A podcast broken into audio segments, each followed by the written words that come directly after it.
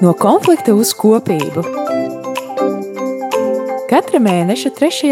trešdienā, 2017. kopā ar dažādu konfesiju pārstāvjiem kopīgi domāsim par kristiešu vienotību šodien.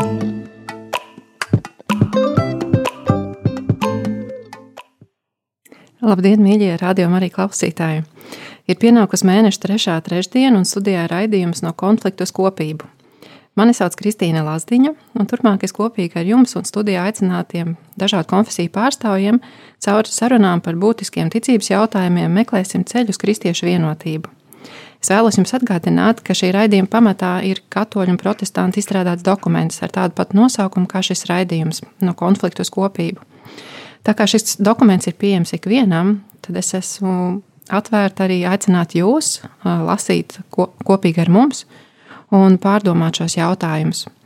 Tāpat es vēlos vērst uzmanību uz to, ka mēs esam atvērti uzklausīt arī jūsu jautājumus par izrunātām tēmām, un jūs savus jautājumus varat sūtīt uz e-pastu studija at rml.lv vai arī sūtīt īsiņus uz tālruni 266 77 272.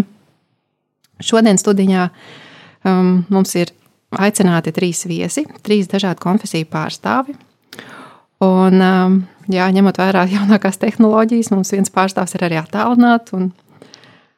Lūksim Dievu, lai mums arī tehnoloģijas nepieviļ. Un, um, es šobrīd iepazīstināšu ar, ar uh, pārstāvjiem. Tātad uh, Lutāņus mums pārstāvēs mācītājs Kaspars Simonovičs. Sveicināti! Sveicināti, Kaspar! Um, Baptists mums pārstāvēs evaņģēlists Krišs Pazemkovskis. Labdien! Un uh, esam aicinājuši arī katoļus uh, pārstāvību bīskapu Andri Kravali, kurš uh, šobrīd vēl ir ceļā pie mums un raidījuma gaitā pievienosies. Nu, tātad vēlreiz labdien, uh, dārgie viesi! Un, uh, esmu tiešām pateicīga, ka jūs līdzdalījāt savu laiku un uh, esat laipni aicināti šajā raidījumā un diskusijā par kristiešu vienotību.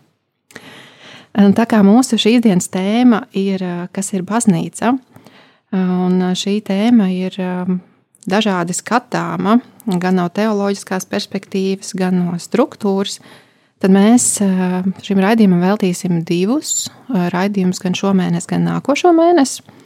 Un šodien mēs vairāk pieskarsimies tieši šim te teoloģiskam skatījumam.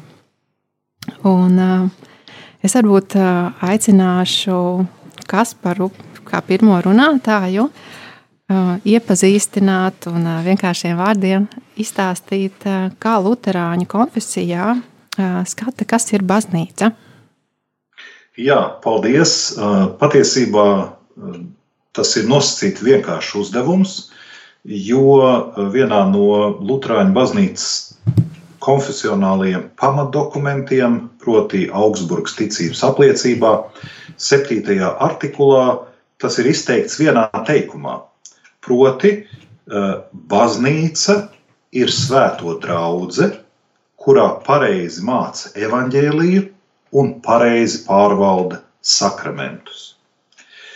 Līdz ar to šis viens teikums jau daudz ko izsaka un paskaidro.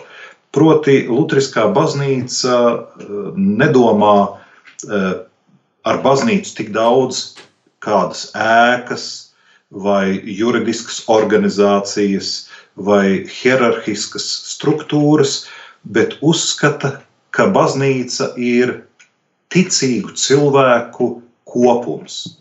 Un turklāt tādu ticīgu cilvēku kopums, kuri izprot evaņģēlīja vēsti un saskaņā ar to arī pārvalda sakramentus. Jo sakramenti savukārt eh, Lutriskajā baznīcā uh, tās izpratnē ir nekas cits kā žēlastības līdzeklis. Tātad patiesībā tie ir cilvēki, kuri pulcējas ap uh, dieva žēlastības vēsti. Tik vienkārši. Jā. Um, tas, tas, ko tu minēji, um, man mazliet mulsināja šis uzsvers uz pareizi mācību un pareizi pārvaldu. Kā tas ir domāts pareizi?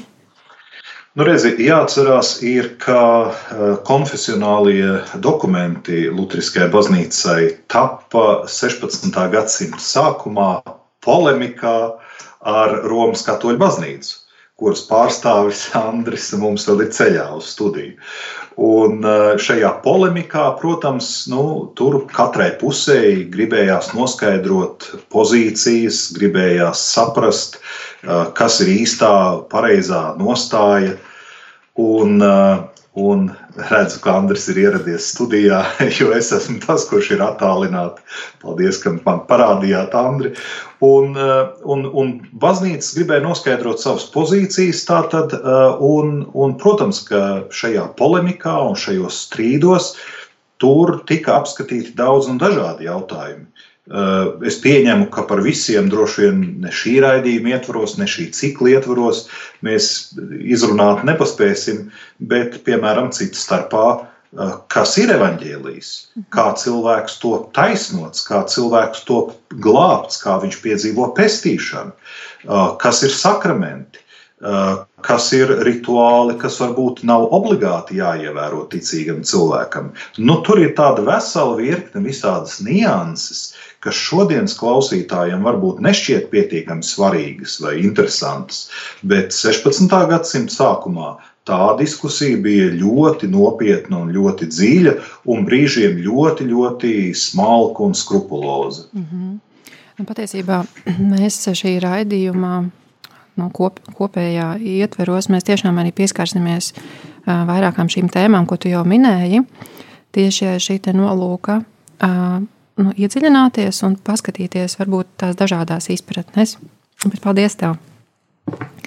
Jā, tā taisnība ir, ka mums ir pievienojies arī um, Bīskaps Andris Kravals. Labdien, Andri! Un, um, jā, es, es būtu priecīgi arī dzirdēt um, jūsu viedokli uh, par to, kā katoļu tradīcijā izprot, kas ir baznīca. Jā, es centīšos nu, ne tikai viedokli, bet to, ko baznīca par sevi saka. Un katru reizi apliecinot ticību, patiesībā visi mēs kā kristieši sakam, ka mēs ticam vienai, svētai, vispārēji, universālai, katoliskai, apustuliskai baznīcai. Un, protams, kā jau kas par sacīja, mēs varam dažādi varbūt šīs ticības patiesības saprast, bet vairāk vai mazāk mēs esam vienprātis, ka baznīca ir viena, tāpat kā ir viens avots, ka Kristus ir vēlējies baznīcu, viņš par to jau mērķtiecīgi runā saviem mācekļiem, viņš ir arī dibinājis baznīcu, viņš, ja tā var teikt, caur dažādiem tēliem un līdzībām jau no vecās derības liek saprast, ka debesu valstība iesākās baznīca, un baznīca ir tā, kas atklāja Dieva valstību. Un tāpēc eh, baznīca es teiktu, ka tas ir nu, Dieva meistardarbs, tur, kur eh, Dievs atklājās, kur eh, ticīgie pulcējās, kur tiek sludināts evaņģēlijs, kur notiek nu, pestīšanas pieņemšana, kur cilvēki iet jau šajā dievišķajā darbā, dievišķajā loģikā, kas ir debesu valstība.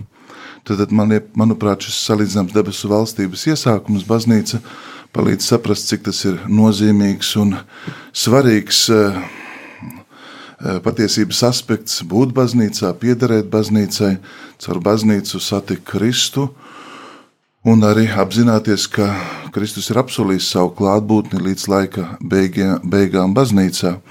Un tāpēc mīlēt baznīcu, to saprast, uh, to censties arī, ja tā var teikt, labāk apzināties, jo mēs runājam par redzamo un neredzamo baznīcu.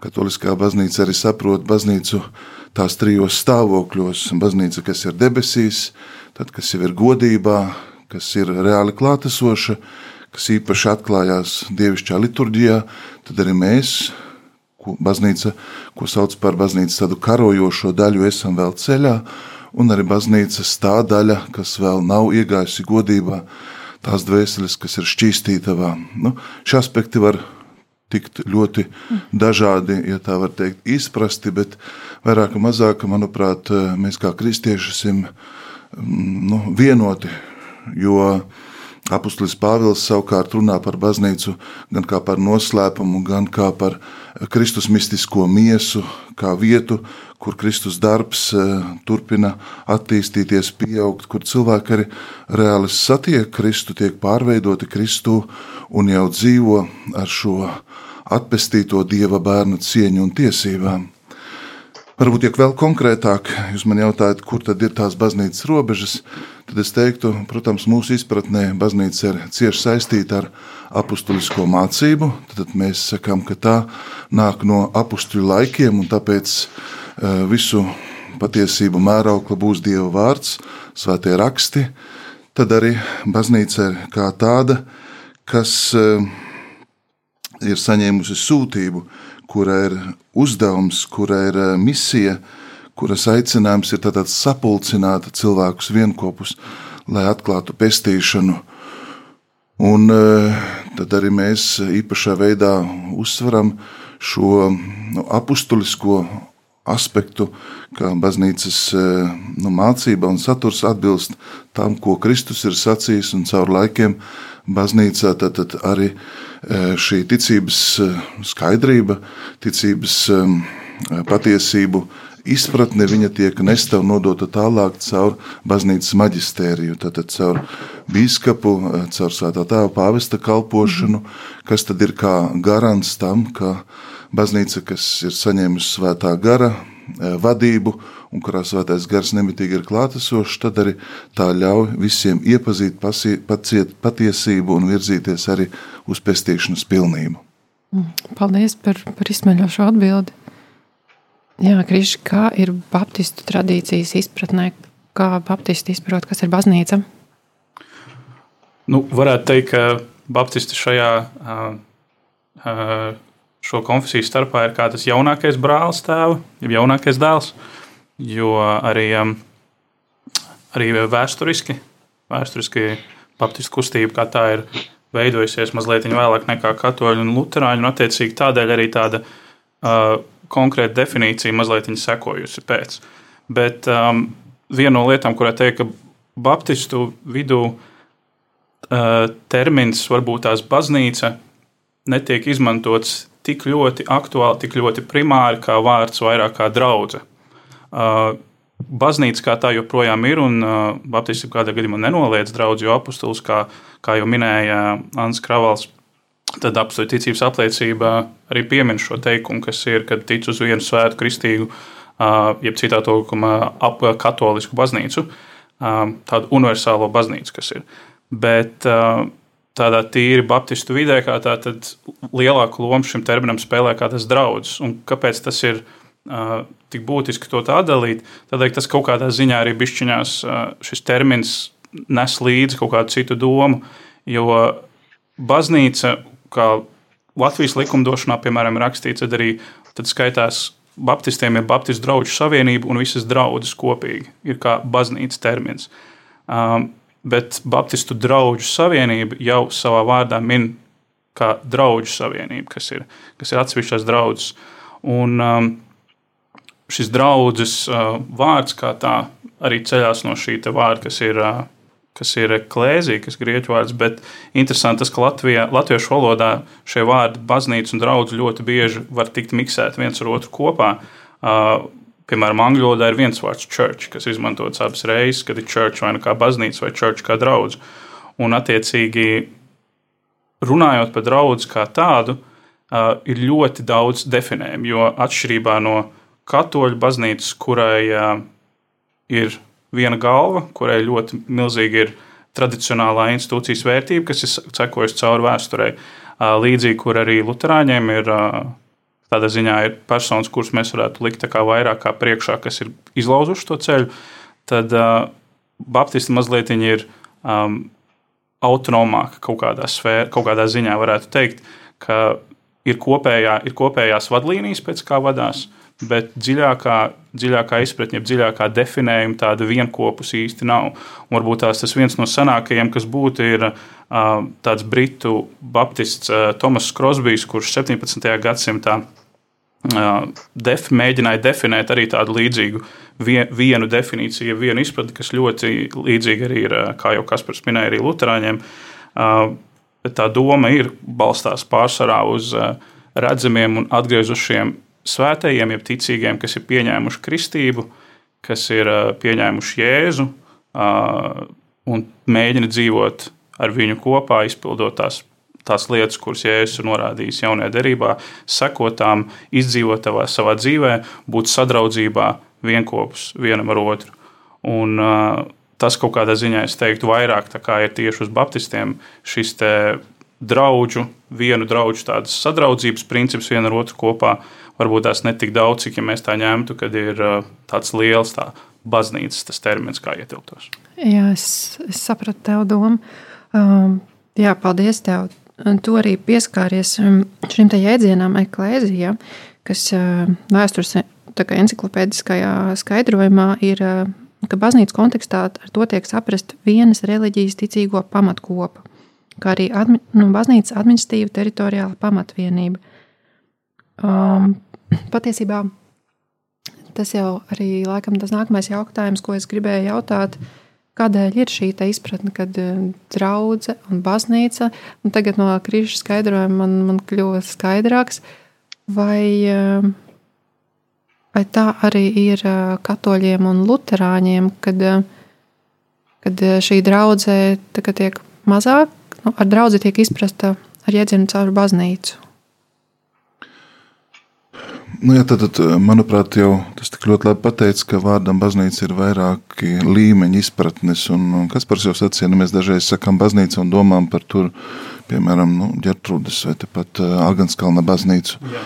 Un eh, bieži vien cilvēki saka, nu, es eh, piedaru baznīcai, viņi domā kaut ko konkrēti, vietu, varbūt draugu, eh, geogrāfisku, bet ir arī tātad vēl citi līmeņi, kad, piemēram, mēs runājam par nu, Kristus baznīcu kā vienu, kā pestīšanas vietu, un tur, es domāju, ka ar baptistiem mēs esam vienprātis, ka tā ir glābšanas un pestīšanas vieta, tāpat laikā mēs redzam, ka atklāsmes grāmatā, piemēram, tiek dibinātas draudzes, jā, pie Pāvils dibina draudzes, Un uh, viņš dibinot draugus, uh, saprot, ka viņš nedibina jaunas baznīcas, bet tieši, ja tā var teikt, baznīca sastāv no draudzēm, kā tādām dzīvām šūniņām.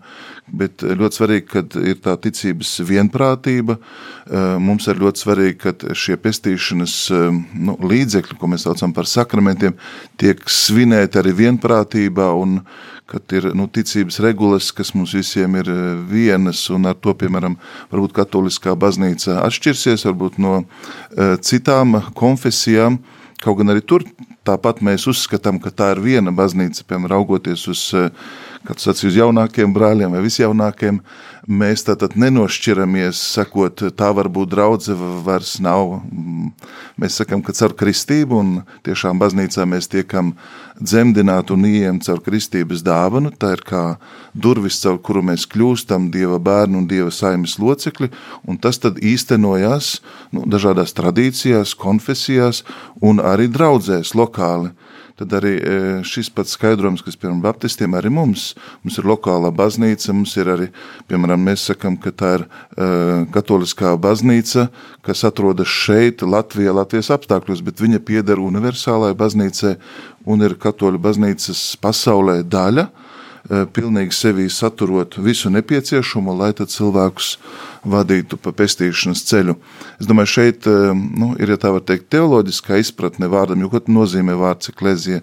Tas burtiski nozīmē nu, sasaukšana, sapulcēšanās, sanākšana kopā, un tā ir atbilde uz Kristus aicinājumu. Protams, var rasties jautājums, bet, nu, ja es neesmu baznīca, vai es tikšu glābts, kur ir baznīcas robežas, kur eh, par to teologi caur gadsimtiem mēģinājuši, ja tā var teikt, atbildēt, risināt šos jautājumus, bet tātad nu, ir redzamas baznīcas robežas, ir neredzamas. Un, manuprāt, šeit ļoti būtiski ir tas, ko jau brāļi pieminēja, nu, tā atgriešanās. Tad, tad, pat ja mēs, piemēram, nu, kristam mazu bērnu, tad jebkurā gadījumā ir vecāki, krustvecāki, ir viņu, ir baznīcas ticība, kas ļauj šim aktam notikt, un bērns tiek uzņemts baznīcā. Un konkrēti tas īstenojas caur draugu. Jā. Jā, es uh, brālim Andrim varētu varētu sakot ar, ar domu par um, to, ka kaut arī varbūt tās Baptisti neizmanto šo terminu baznīca kā tā tik ļoti uh, izteikti, kā citas konfesijas, bet tā ideja, ko aprakstīja Andris, uh, ir ļoti līdzīga šajā draudzes kontekstā, jo ir šīs mazās, ir šīs mazās draudzes, kas ir tās lokālās savā vietā, bet tad ir šī Kristus draudzene kopā, ir, kurai Kristus arī ir galva, kur Kristus ir izglābs. Piemēram, Galatiešu, vēstulē Galotiešiem ir rakstīts, ka nav vairs tur vairs ne jūdi, ne grieķi, ne apgriezīti, neapgriezītā, ka viss ir viens, viss ir Kristu. Un uh, Kristus arī paliek šīs draudzes galva. Un tad, um, līdzīgi, jā, līdzīgi kā jau brālis minēja, tad kur ir tās robežas, kurā vietā ir tas, tas viens no ceļš ir šīs kristības, kristības process, kā tā apzināta nomiršana sev, nomiršana grēkam un uh, ļaušanās caur uh, kristību tikt augšām celtam, kā jaunai dzīvei. Um, un turpināšana staigāt, jā, turpināšana staigāt tajā mācībā, ko arī Jēzus ir atstājis. Mm, paldies! Jā, kas par? Jā, es tikai gribēju atgādināt mums un klausītājiem, ka mums droši vien ir jānodala šie divi jēdzieni. Viens ir baznīca teoloģiskā nozīmē, un otrs ir baznīca struktūrālā nozīmē. Un, protams, ka latviešu valodā jēdziens baznīca tiek lietots abos um, nojēgumos, tā sakot, gan runājot teoloģiski, pēc būtības, gan arī runājot juridiski, struktūrāli, hierarhiski un tam līdzīgi. Patiesībā var atgriezties pavisam vēl pie pašām saknēm un sacīt, ka baznīca pēc būtības ir viena. Vienalga, vai mēs runājam par katoļu baznīcu, vai par luterāņu, vai par baptistu, vai par jebkuru citu kristīgu kopienu, jo baznīca ir viena, un kāpēc es to saku? Tādēļ, ka apustulis Pāvils, atcerēsimies, rakstīja vēstuli, pirmo vēstuli korintiešiem, tātad draudzēji, kuru viņš pats bija dibinājis, un viņš viņiem saka, jūs esat Kristus ķermenis, un katrs par sevi tā locekļi. Un te arī ir atbilde. Baznīca ir paša Kristus manifestācija. Un ik viens uh, Kristus sekotājs, lai kur viņš būtu, lai kādai konfesijai viņš piederētu, ja viņš uh, seko Kristum, viņš ir daļa no Kristus ķermeņa, viņš ir daļa no Kristus miesas. Uh, baznīca ir Kristus uh, manifestācija šajā pasaulē. Pēc būtības teoloģiski tas ir cauri laikiem, cauri gadsimtiem, vienalga kurā pasaules malā, tādā nozīmē, es domāju, neviena konfesija e, nav atkāpusies no šī senā termina e, katolisks, jeb ko varētu tulkot kā universāls. Nespecifiski varbūt uh, hierarhiskā vai juridiskā nozīmē, bet tieši tādā būtības nozīmē, uh, Baznīca ir viena, jo tā ir universāla. Jā, paldies jā, par to precizējumu. Tiešām mēs šoreiz skatāmies uz baznīcu no šī te teoloģiskā skatījuma. Un, jā, tu pieskāries arī šim te jēdzienam, katoliska baznīca. Varbūt es varu viskam lūgt skaidrot. Reizēm cilvēki pārprot jēdzienu katolisku un katoļu. Uh, Jā. Kas ar šo jēdzienu katoliska baznīca ir um, gribēts izprast? Tad, tad, lai to saprastu, tiešām ir jāatgriežas pie ticības uh, nu, pamatiem, pie tā, ko jau baznīcā mēs apliecinām. Svinīgi, ka baznīca ir viena, ka baznīca ir kā māte. Baznīcas tēvis saka, nu, kam uh, baznīca nav māte, Dievs nevar būt tēvs, jo mēs iepazīstam Kristu, mēs ieejam ticības eh, nu, atziņā un patiesībā tieši caur baznīcu, nu, ne tikai kā caur tādu struktūru, bet kā eh, nu, pestīšanas vietu, kā lielu dāvanu. Un tad, tad Kristus savā mācībā uzsver, ka viņš ir tas, kas dibina baznīcu, vēl vairāk viņš ir apsula tur savu klātbūtni, viņš izvēla apstuļus, kas būs baznīcas teiksim, nu, kolonas, stūrakmeņi, uz kuriem tā apustuliskā ticība balstīsies, un mēs nonākam pie vārda katolisks. Kristus ar e, šo realitāti grib izteikt to, ka tā ir domāta visos laikos, visās vietās, kā bibliski bieži saka, līdz zemes galiem. Tātad tai nav kāda noilguma, bet, kā jau sacīju, tas ir jau debesu valstības iesākums. Tā ir visu aptveroša, Un eh, tā, tā, tā ir universāla sūtība. viņa nedistancēs, pat ja mēs redzam citas reliģijas, piemēram, kāds tās arī nebūtu, mēs savā apziņā, sakot vārdu katoliski, saprotam, ka mēs esam saņēmuši sūtību, un ka šī pestīšanas dāvana ir domāta visiem cilvēkiem, visos laikos, un nu, ka tas kā Kristus meistara darbs, baznīcas tēvs, ka mirstot pie krusta, viņš ļauj baznīcai dzimt, kā mēs redzam vasaras svētkos, ko bieži izceļam kā baznīcas dzimšanas dienu, ka tā e, vēlas satikt katru cilvēku, katru kultūru, katru nāciju, katru tautu un šo sūtību, šo katolisko uzdevumu mēs visi esam saņēmuši. Bet, protams, tas īstenojās caur eh, dažādām tradīcijām, un tieši tāpēc piemēram, mēs šeit eh, pārstāvam piemēram, Romas katoļu baznīcu. Ir piemēram Grieķu katoļi, ir piemēram, arī citi katoļi eh, austrumu baznīcā, piemēram, kopti maronīti, kas ir katoliski. Tāpat kā šeit brāļi, mēs visi apzināmies šo katolisko sūtību, bet tad mēs specifiski sakam, esam tādi vai citi katoļi, bet baznīca pēc savas sūtības un uzdevuma ir katoliska.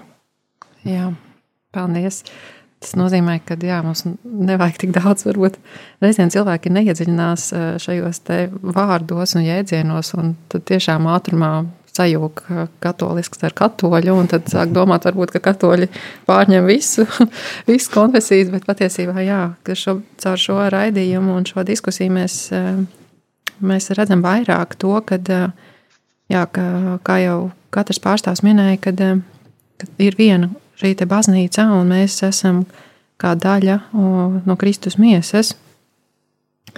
Jā, mīļie studijas viesi, paldies par sākotnējo um, mūsu sarunu. Un uh, šobrīd uh, mums būs neliela muzikāla pauzīte, un uh, pēc tam mēs atgriezīsimies un turpināsim šo tēmu tālāk.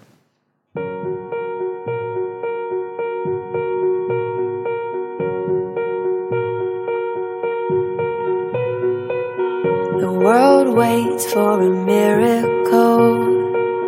The heart longs for a little bit of hope. Oh, come, oh, come, Emmanuel.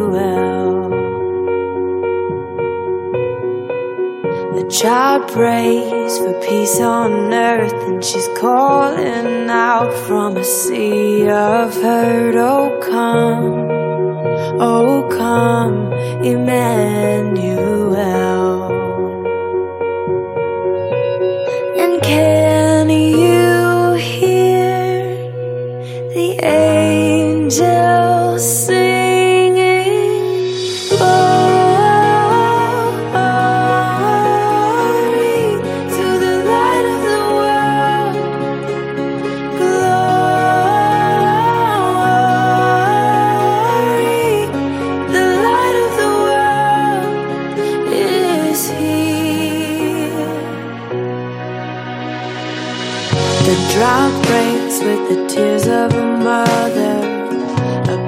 Cry is the sound of love. Come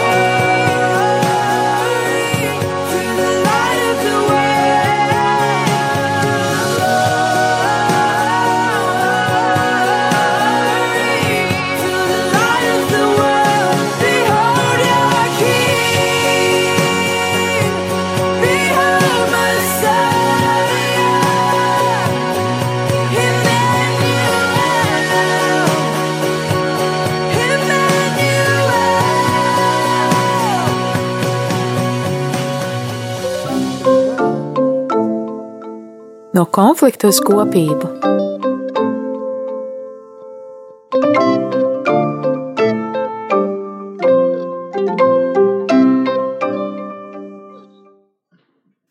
Esam atpakaļ studijā un atgādinu, ka jūs klausieties raidījumu no konfliktu uz kopību.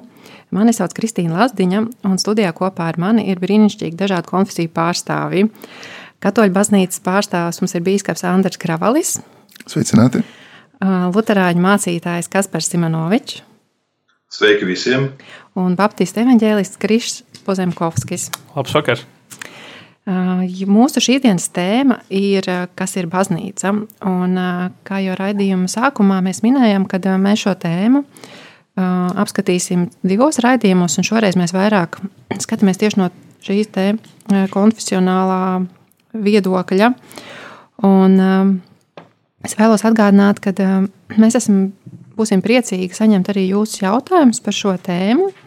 Un jūs tos jautājumus varat sūtīt gan caur e-pastu uz eh, studija atrml.clv, vai arī jūs varat sūtīt īsiņas uz tālruni 266, 77, 272.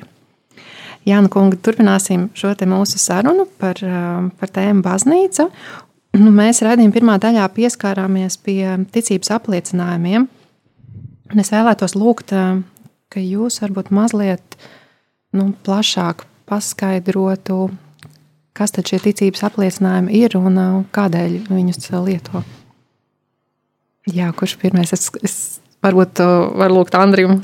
Jā, tad, tad uh, es saku, es ceru, ka un ticu, ka rīt būs labāks laiks ar to vēl.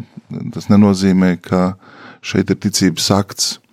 Un ticība kristīga izpratnē ir tātad, nu, žēlastība, tas ir gan cilvēciska darbība, bet tā balstās uz Dieva dāvanu, jo caur kristību mēs saņemam ticību kā dāvanu. Un tātad ticība ir kāds konkrēts nu, saturs, kam tad mēs īsti ticam. Apostolis Pāvils vēstulē Timotejam saka, es zinu, kam esmu ieticējis. Un tad, tad nu, katrā tradīcijā, katrā konfesijā uh, Šis ticības apliecinājums ir ļoti būtisks un svarīgs.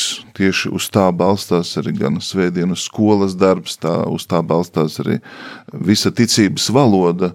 Un eh, vairāk vai mazāk mums šis ticības apliecinājums visiem ir viens. Tad mēs pazīstam divus, viens, kas ir no apstuļu laikiem, kas saucās apstuļu simbols, kur ir 12 eh, tādi ticības postulāti, un otrais ir Nikejas Konstantipolis eh, ticības apliecinājums, kas jau saistīts ar 3. un 4. gadsimtu, kad baznīca jau ir noformulējusi dziļāk, vēlas atklāt jau noformulējot ticības patiesības par Kristu, tos mēs saucam par dogmām, un tad šis ticības apliecinājums ir daudz vairāk izvērsts kas arī nu, parāda katras dievišķās personas darbību. Bet, nu, ja tā vienkāršāk jūs jautājat, kam tad mēs ticam? Nu, pirmkārt, mēs ticam Dievam, bet nu, visās reliģijās cilvēki tic Dievam. Nu, kādam Dievam? Tad ticam svētai trīsvienībai, ticam dievišķai atklāsmai, ticam, ka Dievs ir Tad, un ar to mēs atšķiramies no visām citām reliģijām. Dievs ir nācis un atklājis sevi. Ne mēs saviem spēkiem esam sasnieguši, vai kaut kādā veidā sapratuši, vai izdomājuši, vai nonākuši līdz kādam slēdzienam par Dievu, bet kristietībā, tad balstoties uz eh, jūdu tautas aicinājumu un pieredzi, mēs, pateicoties Kristum un Svētājiem garam, atklājam, ka Dievs ir trīsvienīgs. Tad ticība katrai dievišķai personai, dievam tēvam, kā radītājam, dēlam, kā pestītājam un svētājam garam, kā svētdarītājam. Un arī šī ticības apliecinājuma kā, turpinājumā mēs arī pasakām tās galvenās ticības patiesības, kā cilvēks uh, ir tātad nu, aicināts uh, ieejot baznīcā, saņemt pestīšanu, mēs tur arī apliecinam, ka ticam vienai svētai katoliskai apustuliskai baznīcai, ticam, ka dvēsele ir nemirstīga, ticam, ka miesa tiks augšām celta, ticam, ka esam saņēmuši grēku piedošanu, ticam mūžīgai dzīvei.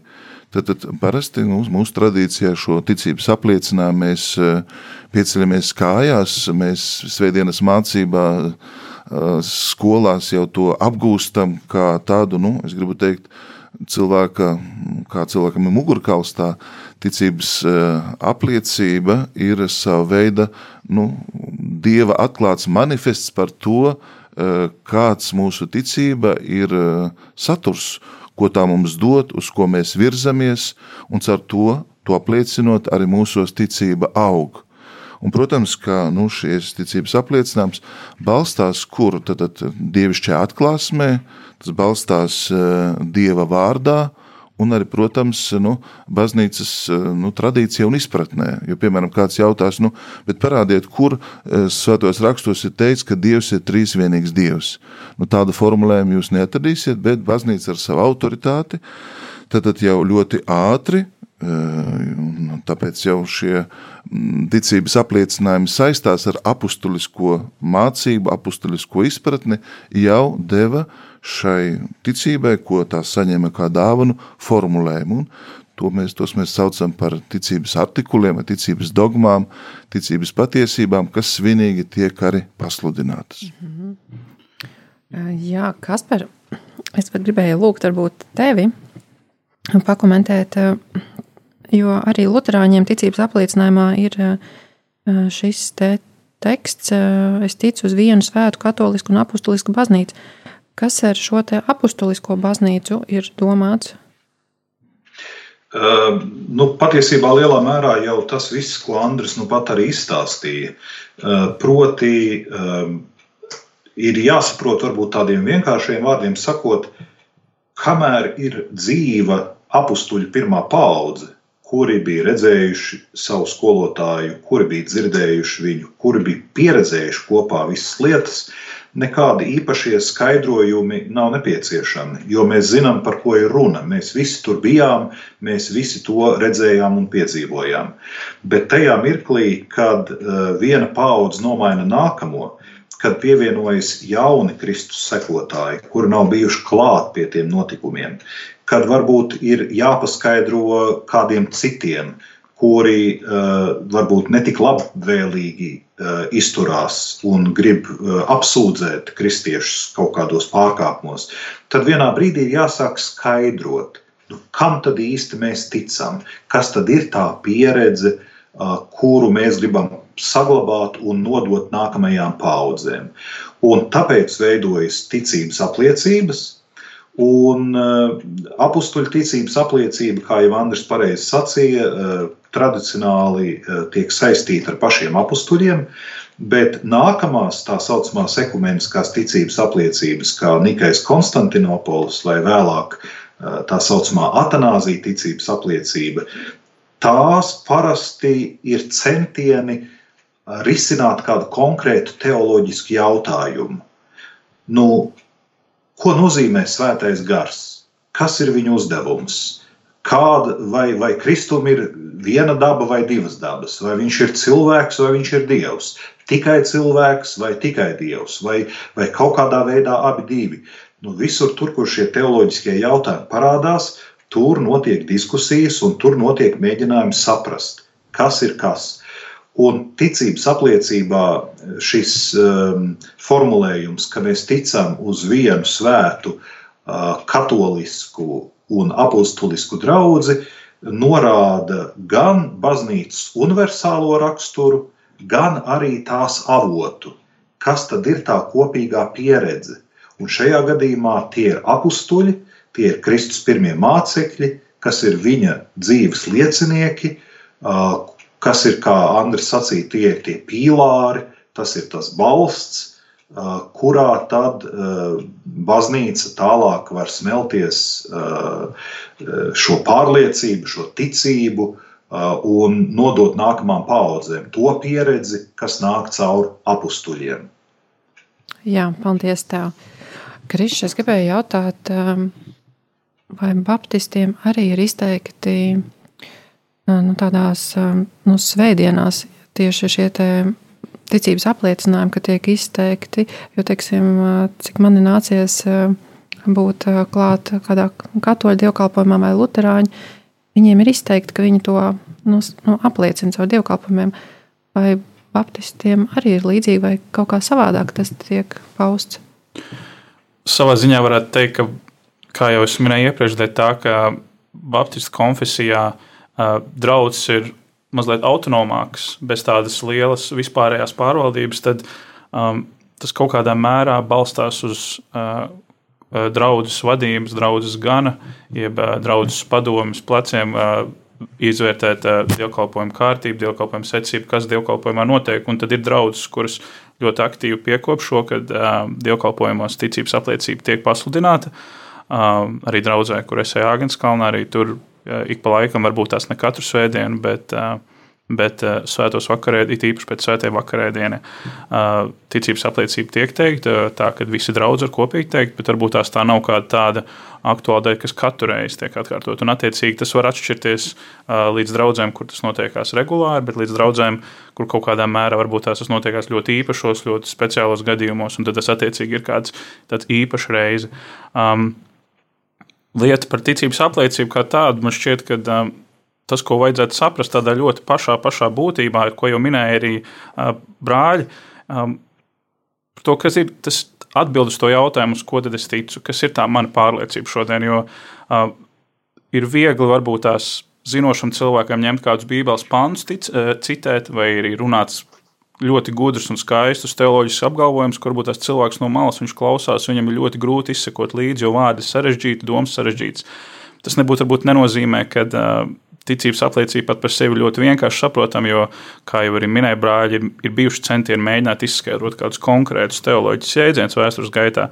Bet man mācoties Baltijas pastorāla institūtā, mums viens no uzdevumiem bija, mums vajadzēja desmit minūšu laikā ņemt un definēt, mūsu, kas ir tā mūsu ticība. Un mēs sēdējām ar kursu biedriem, un mēs domājām, mums bija jāuztais, nu, tāda jāmēģina viens paplašināts teikums, bet kas ir tā mūsu ticība? Un kā mēs tur katrs, protams, to uzdevumu tikām galā, Bet pēc tam, kad mēs gājām, analizējām cauri, mēs sapratām, cik ļoti daudzas būtiskas nianses mēs kaut kur, kaut kur pazaudējam. Kad ir, kā jau teicu, nu, Dievs, mēs ticam Dievam, nu, Dievi jau ir bijuši vēsturē visu kaut kādu, un tur visur, visur būt Dievi, un varbūt tās hinduistiem tur 101 Dievs ir. Bet ar ko tad kristietībā tas Dievs? Kāpēc mēs saucam viņu par tēvu, kāpēc viņš ir viens dievs, kāpēc, kāpēc Jēzus Kristus būtību. Mēs nonācām pie tā, ka šis ticības apliecinājums ir tas ir viens no tiem veidiem, kas ir atrasts, cik ļoti gudri varētu teikt, ir daudzas sarežģītas un dziļas teoloģiskas tēmas savītas kopā šajā vienā, šajā vienā apliecībā.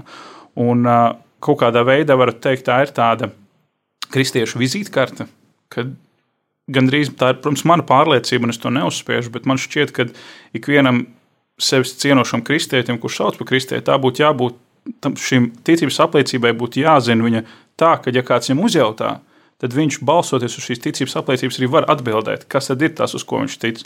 Jo tajā ir ietverts viss, tajā ietverts ir Dieva būtība, tajā ietverts Jēzus Kristus nākšana, viņa nāve, viņa augšām celšanās un kā viņš atgriezīsies pie mums, un tajā ietvert arī kopējā šī uh, sadraudzība, ko mēs jau minējām, kad šis termins baznīca, kur varbūt tās baptisti vairāk par to draudz, to sadraudzību būtību, bet tā ideiski tas tas pats, kad ir viena kopējā katoliskā, jeb universālā, universālā baznīca, jeb universālā draudz, kurai Kristus, Kristus ir galva, kurai arī mēs, uh, kurai mēs ticam. Un uh, baptistu konfesijā varbūt tās tas, kā jau minēju, netiek varbūt tās vienmēr tik ļoti uh, aktualizēts kā katoļiem un luterāņiem. Un es domāju, ka tā ir lieta, ko Baptists noteikti var ņemt kā piemēru. Mm. Bet, bet tas, kurā gadījumā, netiek atmests. Tā ir ļoti nozīmīga un būtiska lieta, ko, ko gan dievkalpojuma kārtībā, gan jebkuram, manuprāt, jā, tiešām sevis cienošam kristietim būtu jāzina. Jā, kas par? Redzu, ka... Jā, respektīvi, es gribēju tikai piebilst, varbūt acīm redzamo, ka Tas varbūt tā ir ironiski, bet uh, ticības apliecības savulaik tika radītas, lai paskaidrotu, lai palīdzētu cilvēkiem labāk saprast. Bet tas bija pirms diviem tūkstošiem gadu. Un pa šo laiku, diemžēl, daudzi jēdzieni, daudzas idejas, daudzi koncepti mūsdienu 21. gadsimta cilvēkam ir kļuvuši absolūti sveši Un es zinu no savas pieredzes, ka tad, kad ir iespējas mācība, un tev ir jāpaskaidro, nu, kam tad īsti mēs ticam, tad patiesībā mēs ar to vien nodarbojamies, kā tulkojam no jauna šos ticības apliecības tekstus, ne tādā burtiskā nozīmē tulkojam, bet skaidrojam no jauna. Jo lielāka, absolūti lielākā daļa to jēdzienu mūsdienu cilvēkam neko, ticiet man, neko gandrīz vairs nenozīmē. Es esmu kādreiz mēģinājis nolasīt vienkārši ticības apliecības tekstu, piemēram, to pašu apstuļu ticības apliecību. Un es redzu, tie cilvēki skatās uz mani ar neizpratnes pilnu skatienu. Tas ir kā ķīniešu abets apmēram. Ja? Jo, ko nozīmē visi šie dīvainie, neko neizsekošie termini? Un tad lēnām, pamazām, pacietīgi, soli pa solītim, tev tie visi ir tā sakot, jāizpako un vēlreiz jāizskaidro À, nu tad beidzot viņiem ir skaidrs. Līdz ar to ar ticības apliecības tekstiem uh, ir labi savējo vidū, jo tie atgādina ticības pirmsākumus, tie iedrošina, bet uh, citēt vai, vai sacīt ticības apliecības cilvēkiem, kas neko par to nezina, nu, tas ir tāds apusgriezīgs zobens. Jā, es pilnīgi piekrītu Kasparam, un uh, tam nevajadzētu kādā gadījumā būt tādām tām pirmajām lietām, ar ko tagad iet, jo visticamāk tas vienkārši to cilvēku vēl vairāk apmulsinās un iespējams pat atstums no visas izpratnes. Bet uh, savā ziņā, jā, kā jau Kaspars minēja, um, draudzes vidū un ticīgo vidū, tai noteikti. Tā noteikti būtu jāpievērš liela nozīme, liela uzmanība īpaši šodienas sabiedrībā, tieši šajā izskaidrošanas procesā un izdzīvošanas procesā, kur katrs, katrs draugs loceklis, jeb konfesijai piederīgs ticīgais, jeb cilvēks, kas sev sauc par jēzus sekotāju, jeb dievu bērnu, ka viņš saprot. Vismaz savā izpratnē viņš saprot, ko šie jēdzieni nozīmē un par ko tiem ir runāts. Un kad viņam ir iespēja runāt, vismaz viņam ir pamats, uz kā var balstīties. Jo, diemžēl, nereti ir, kad, kad, kad runā ar kristīgiem cilvēkiem, tad uh, trūkst, var redzēt, ka trūkst kaut kādas šīs, te, šīs te izpratnes. Uh, par kaut kādu vienkāršu pamatu, no kura var ņemt un smelt tālāk. Un tādā gadījumā man šķiet, ka šī ticības apliecības uh, formulējums kā tā būtu ļoti būtisks izmantot gan kā katoļu baznīcā, gan luterāņu, gan baptistu, gan es domāju, vispār kristiešu, kristiešu draugzē. Es vēl Iedrīkst arī tāpat kā nu, Jēzus mums ir mācījis lūgties, zinām, viņa lūgšana tēvreize, kur ir lūgumi, kas skar nu, pirmkārt jau debesu valstību, pēc tam skar mums, viņi satur sevi nu, ļoti daudz, ļoti svarīgu mm, kā pestīšanas vēstījumu rezumējumu, kuros mēs ejam, tad tieši tāpat arī ticības apliecinājums, Svētais Ambrozijs saka, ka tā ir tā kā, nu, neizsmeļama dvēseles dārgumu krātuve, ko mēs nesam. Pie tās atgriežoties, mēs esam aicināti pārdomāt, jo kāpēc tā ir svarīga. Tā reize ir arī kā sardze mūsu ticības pamatiem. Un reizē Ambrozijs saka, ka tas ir kā garīgais zīmoks, ar kuru mēs tiekam apzīmogoti. Tad, tad, eh, protams, mēs nesāksim katehēzē vai svētdienas skolā ar ticības eh, apliecinājumu, jo tur ir daudz eh, nu, sarežģīti koncepti, vārdi, termini, bet tomēr vienmēr, nu, līdzīgi kā mēs apzīmējam sevi ar krusta zīmi tēva dēla svētā gara vārdā, mēs saprotam, ka Svētā trīsvienība ir mūsu nu, ticības pamats, kodols, kad mēs esam iezīmēti un mēs ejam uz svēto trīsvienību un jau caur kristību mēs to sevī nesam. Un tad, piemēram, tāda lūkšana gods lai tēvam, dēlam un svētājam garam, viņa varbūt ir īsa, bet reizē tā kļūst par lūkšanu, mēs pagodinam svēto trīsvienību, mēs arī sakam, ka tā godība ir bijusi, tagad ir un arī pastāvēs. Un īstenībā tieši šo nu, patiesību, ka mēs vēršamies pie trīsvienīgā Dieva, tēva radītāja, kas sūtīs savu dēlu kā pestītāju un svētais gars, kas tēva un dēla mīlestība visu dzīvina, uztur, rada, atjauno, tad šī patiesība jau ir ielikta iekšā. Un, manuprāt, tas ļoti ir tā, nu, interesanti uzrakstīt to ticības apliecinājumu ar saviem vārdiem, ar savu izpratni. Mēs, nu, protams, varam, varam, varam vingrināties un varbūt šodien daudz modernāk varbūt pateikt, un, un jaunieši varbūt saprastu daudz labāk. Ja mēs tagad runājam par iemiesošanās noslēpumu, es domāju, ir veidi, kā varbūt šo realitāti šodienas jaunietim varbūt vēl nu, labāk likt apzināties. Un īstenībā tas jau būtu arī baznīcas un, un katehēzes un svētdienas skolu uzdevums eh, to ticības eh, formulējumu nemitīgi darīt klātesošu, saprotamu, bet tāpat laikā arī saprast tās nu, robežas. Mēs, piemēram, eh, kristietība nav savienojama ar reinkarnāciju. Tad mēs arī skaidri gaiši pasakam, ticības apliecinām, ka mēs ticam, ja tad, tad dvēseles nemirstībai. Tad, tad mēs ticam arī grēku piedošanai. Tad visas šīs nu, patiesības, par kurām patiesībā nu, daudzi gadsimtu garumā ir izlaiši savas asinis. Es gribu teikt, ka, šie, ka šīs ticības pamati viņi ir nu, izcīnīti šajos koncilos caur dažādiem e, cīniņām, formulējumiem, caur izlietām asinīm. Man e, bija iespēja kādreiz būt e, Romā katakombās, kur ir nu, svētā Cecīlija attēlota, viņu atrada līdzīgi tiešām guļošu uz zemes ar, ar nocirstu galvu, bet viņa ar savām rokām bija parādījusi, ka viņa tic vienam dievam un trijām personām.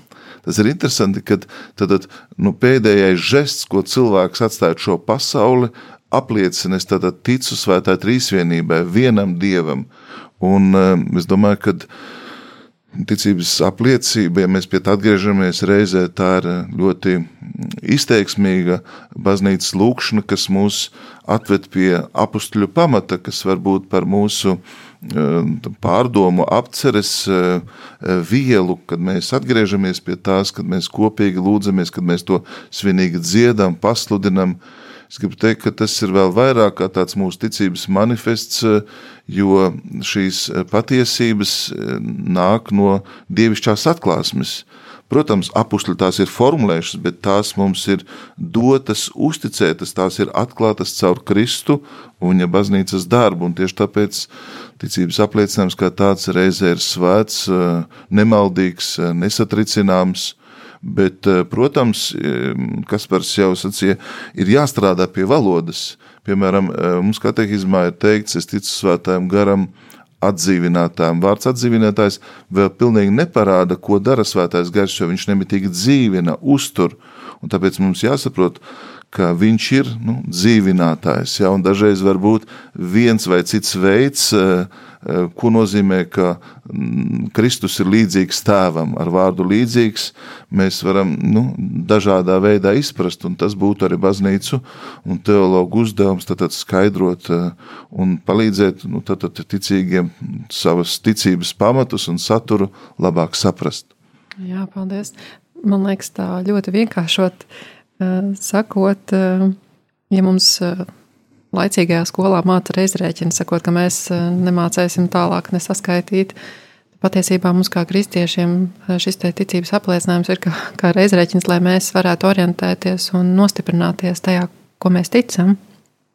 Jā, paldies jums par izsmeļošām atbildēm, un eh, tā kā mums strauji tuvojās raidījums noslēgumam, es gribētu lūgt katram no jums tā īsi izteikties par to, kādi nu, no jūsu, nu, jā, jums personīgi šķiet, kādi būtu tie soļi ceļā uz vienotību tieši no šīs baznīcas izpratnes kontekstā? Ja drīkst, es varētu sākt. Jā, un varētu sākt atgriežoties šķiet pie tava pirmā jautājuma, kur tu uzdevi, proti, tu pamanīji, ka formulējumā Eh, Lutāņu formulējumā par, eh, par baznīcu, tur ir jēdzieni eh, pareiza evaņģēlīja izpratne, pareiza sakramentu pārvaldīšana, un tu jautāji, kāpēc tas tiek tā tur uzsvērts. Nu, lūk, lūk vienkā, it kā vienkārši formulējums, bet pēkšņi rodas jautājums, ko tu domā ar vārdu pareizs? Ko tu domā ar vārdu evaņģēlījis? Kā tu saproti vārdu sakraments? Un es domāju, ka vislabākais ceļš uz kristiešu vienotību ir tieši tāds - klausīties vienam otrā, ko mēs sakām. Un, un labs piemērs ir nu pat diskusija par ticības apliecības tekstiem. Kas ir tas, kam tu tici? Kādus vārdus tu lieto? Un tad jautāt, ko tu ar to saproti? Kā tu to izproti? apraksti mazliet citādāk, apraksti mazliet plašāk, apraksti ar sinonīmiem, apraksti ar, ar vēl kaut kādiem paskaidrojumiem. Jo bieži vien, un es domāju, to arī ikdienas, ikdienas dzīvē mēs varam novērot, eh, mēs it kā runājam latviešu, saprotami, bet bieži vien pārprotam viens otru. Jo pat arī latviešu valodā eh, katrs ieliek tajā vienā un tajā pašā vārdā kaut kādu mazliet citu pieredzi, mazliet citu jēgu, mazliet citu noskaņu, un tā tālāk, un tā joprojām. Kur nu vēl vairāk, ja runa ir par tik dziļiem un nopietniem, eh, garīgiem, un eksistenciāliem un filozofiskiem jautājumiem? Jā, paldies, Kaspar. Jā, es varbūt varētu lūgt uh, Krišam Kas varbūt gribēja pirmais, jo viņam bija tāds ļoti skaists formulējums, jau gatavs kabatā. Bet piebilstot par to, jā, man šķiet, ka es varu piekrist Kasparam par šo klausīšanās aspektu, jo tas veids, kā mēs diskutējam, par ko mēs runājam, šeit ir šie. Pat nerunājot par sarežģītiem terminiem, bet tiem vienkāršiem terminiem, kas arī bija pirmais jautājums, ko mēs runājam par baznīcu, Un, ko es minēju no Baptistu, varbūt izpratnes vairāk par šo draugu aspektu, un uh, ko jau brālis Ants minēja, varbūt domā, tur ir ģērtrūdas baznīca vai Toņkalna baznīca, ko domāju. Um, tad ir svarīgi, jā, ka šīs šķietami vienkāršās un šķietami pašsaprotamās lietas kaut kādā savā, savā lauciņā ir uh, izlaist, saka, izlaist ārā brīvā dabā un uh, ļaut pārējiem aplūkot un saprast, ka īstenībā tas ir tas pats zvēriņš, kas ir dzīvo manā, manā stūrītī, un kopā viņi tur arī var dzīvot savā starpā. Jo uh, daudzas lietas, uh, ko arī, ko arī Baptisti ir uh, ņēmuši, viņi ir ņēmuši vērtējot no katoļu pieredzes, no luterāņu pieredzes, un uh, daudzas lietas tās arī joprojām arī šodien turpina un uh, nekādā mērā neuzskata par nevērtīgām. Un šāda veida diskusija un šāda veida klausīšanās uh, varbūt uz šiem vienkāršiem terminiem, uz, vienkāršu, uz šo vienkāršo valodu, ir kaut kas tāds, kas šodienas sabiedrībā ir, manuprāt, ļoti aktuāli. Jo, kā man, kā man viens mācītājs teica, ja tev ir jāsagatavo kāds gudrs, sarežģīts teikums, tu vari pasēdēt divas minūtes, bet tagad izdomā vienu vienkāršu teikumu un pasakot tā, lai viens saprot, un varbūt tās tev vajag vairākas stundas pie tā sēdēt. Uh, Un es domāju, ka tas ir tas būtiskais, kas arī var vest to sapratni mūsu starpā, gan konfesionāli, gan ja vispār cilvēku sapratnē, kā kristiešiem, ar tādiem, kas varbūt tās vēl nepazīst Dievu, kas vēl nav atzinuši Kristu kā vienīgo ceļu, jā, kā glābēju. Jā, paldies. Andri, kas tev piebilstams vēl? Man pirmkārt ir prieks, ka mēs šeit tiekamies un runājam. Es domāju, tas ir ceļš uz vienotību. Uh, Šī vienotības atjaunotne skar ne tikai ganus, bet arī ticīgos, arī domāju tos, kas šī brīdī klausās. Un, manuprāt, ļoti svarīgi ir nu, lūgt eh, piedošanu par to, ka mēs esam runājuši slikti viens par otru, ka mēs beidzot varam nākt kopā, kopīgi runāt, lūgt, savstarpēji viens otru iepazīt un arī konkrēti spērt tādus vienotības soļus, arī kopīgi sludinot evaņģēliju, iesaistoties varbūt kādās karitatīvās um, darbībās, vai arī vienkārši nu, parādīt to, ka mēs esam viens uh, ar otru un esam vienoti tajā ticības uh, apliecinājumā.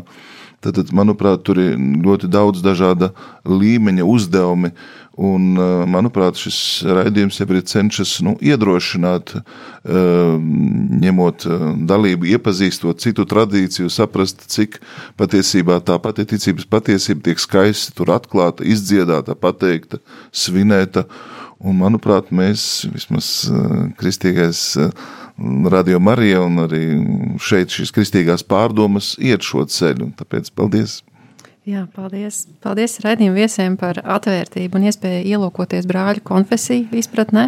Un paldies tev, dārgo klausītāji, ka tu atradi iespēju būt kopā ar mums šajā laikā. Vēlos atgādināt, ka nākamais raidījums būs eh, novembra mēneša 3. trešdienā, 2017. Lai Dieva žēlstība pārklāja ikvienu no mums un palīdz ieraudzīt, ka mēs piedaram pie vienas Kristus miesas. Uz tikšanos!